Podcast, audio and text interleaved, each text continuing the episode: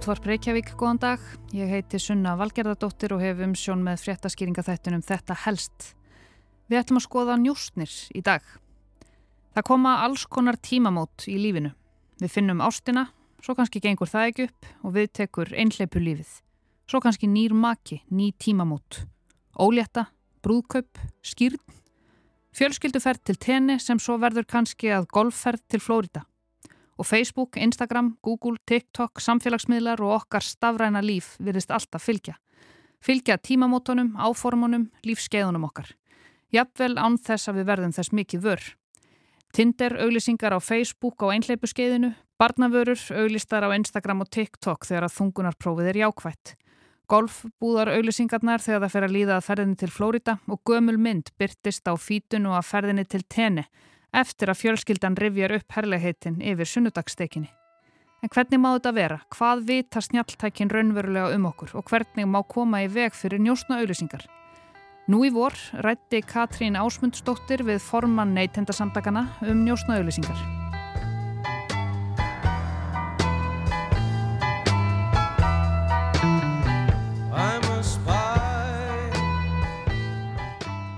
Það var fyrra á þessu ári sem neytindarsamtökinn fóru af stað með herrferðina njóstnakettir, bönnum njóstnahagkerfið.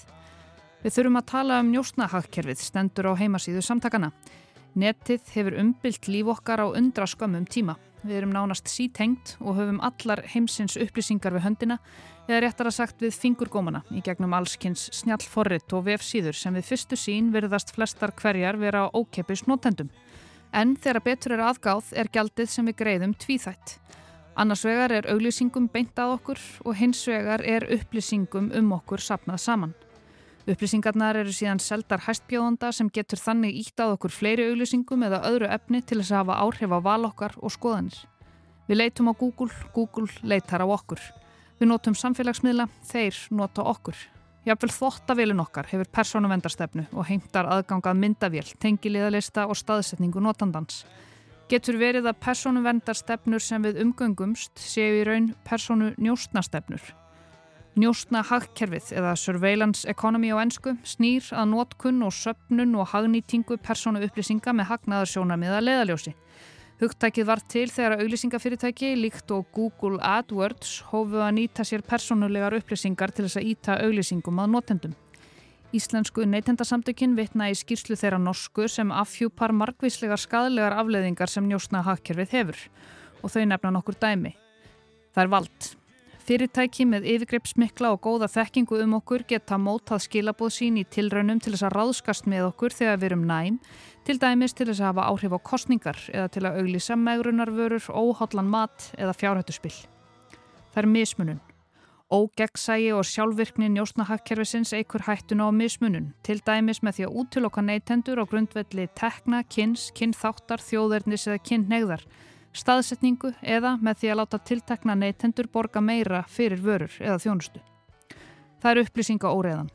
Ógerningur getur reynst að fylgjast með þeim skilabóðum sem fólk fær, hvort sem það er með auglýsingum eða öðru efni og frá hverjum þau koma í raun.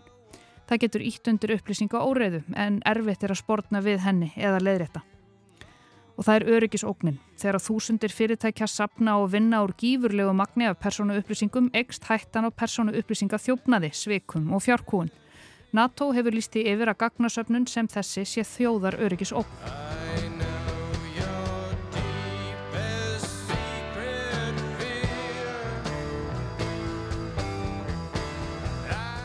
Og ætlaði sér ekki við hæfi að hafa loka orðin í þessari upptalningu þessi Þegar þú notar eitthvað ókipis á netinu er afar líklegt að þú sért söluvaran.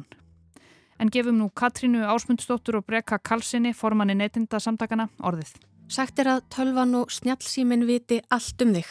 Allt hvar við erum öllum stundum, hvar við erum heima, hvert við förum, hvar við verslum, vinnum og stundum líkamsrækt, hvað við googlum, hvaða frettaveitur við skoðum, hvaða leiki við spilum, hvað við hlustum á og horfum á og hversu mikið, hvaða vini við tölum við á samfélagsmiðlum, hverja við lækum á date-upum, hvaða áhugamál við höfum og stundum og hvað við hlaupum lengi og langt og jafnvel hver tíðarhingurinn er.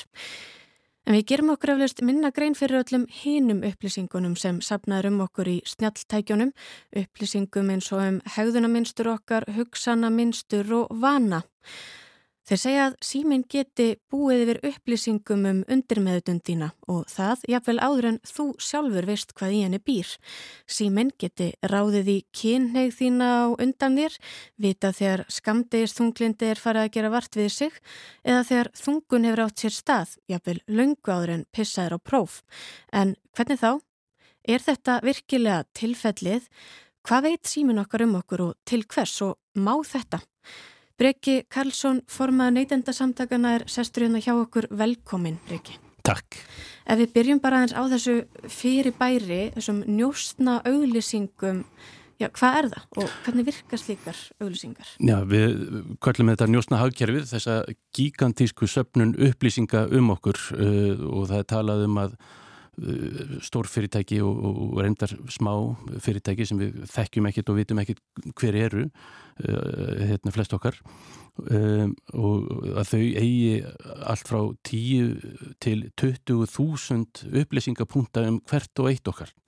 Eins og, eins og þú komst inn á um, um hérna allskynns hegðunaminstur eða, eða, eða jafnvel í hvernig skapi við erum og, og hérna og, og þar fram eftir gödunum Eh, auðvitað getur það komið sér vel fyrir okkur að, að, hérna, að þegar við okkur langar í, í eða okkur vantar skiptu, það komið gata á sokkan okkar og, og gott þá að fá auglýsingar um sokka en þetta er svo miklu miklu dýbra og miklu lengra en bara það.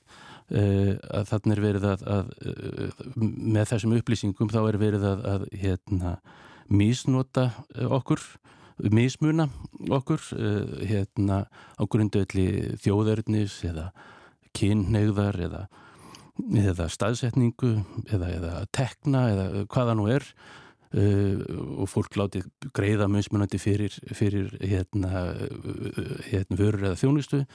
Það er íttaði mismunandi tegundum af, af upplýsingum af, af hérna, allskynns fréttum og, og, og falsfréttum. Eh, þú færð allt öðruvísi fréttir af, af Úkrænu stríðinu til dæmis en, en ég og það byggir bara á, þeim, eh, á sögu okkar og, og, og fylgni á netinu.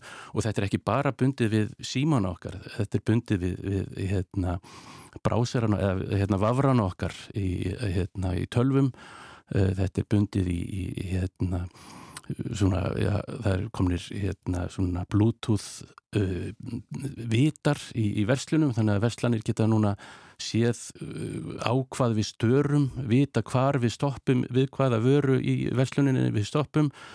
Uh, þær upplýsingar eru svo sendar upp í skíð og við fáum uh, áreiti varðandi hann þær uh, vörur uh, og, og svo þar fram eftir gödunum þetta er miklu umfangs meira heldur en við gerum okkur grein fyrir og á því eru við að vekja aðtiklið með nýju herrferðin okkar uh, sem finna maður á ns.is gástri kettir. Einmitt og maður hugsaður þetta sko að það er eflust alls konar áhugavert sem að getur komið í ljós af öllu þessu ógrinni upplýsinga sem er til um okkur, einmitt sem getur sko sagt okkur ímislegt um mannlega hegðun, þetta er kannski bara eins og einn stór félagsfræðiransók en í þessu tilfelli þá eru upplýsingarnar í höndum hagsmunnaðila og enga fyrirtækjar sem að já, nota svo þessar upplýsingar til dæmis í gróða tilgangi eða hvað, hvernig er þetta nýtt? Algjörlega og þetta er sko hérna, upplýsingunum er sapnað frá mörgum stöðum hérna, eh, og, og hérna, þeim er síðan uh, hérna, sapnað saman upp í, í skíinu og þaðan eru, eru þær hérna, síðan seldar áfram hérna, það er hægt að bjóða í uh, 35 ára gamla konu sem hérna býr í Reykjavík hérna í Östubænum eða, eða hvaða nú er og, og hérna hún eru þessar, þessar hérna, skoðanir og einu og þessa hérna og, og, og þá er hægt að, að eins og ég nefndi á þann þá er náttúrulega að, að hluta til er þetta ekkit, ekkit endilega, þarf þetta ekkit endilega að vera slæmt.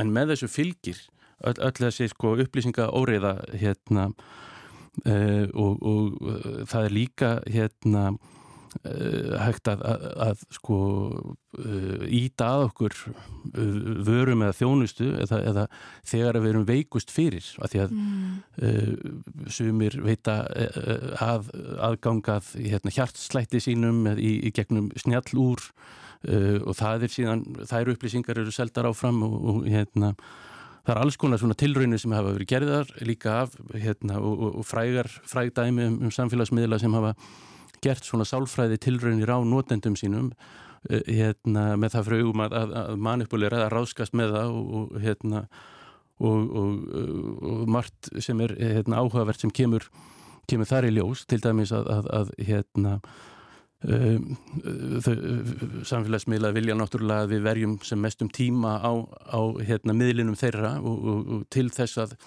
og besta leiðin e, hérna, til þess er að vekja upp e, tilfinningar hjá notandanum og, og besta tilfinningin e, til þess að halda fólki á miðlinum er að vekja upp reyði þannig að, að þannig er unnið sífælt að því að gera okkur reyðari og reyðari og þannig eh, hérna, eikst polariseringin í, í samfélaginu mm -hmm.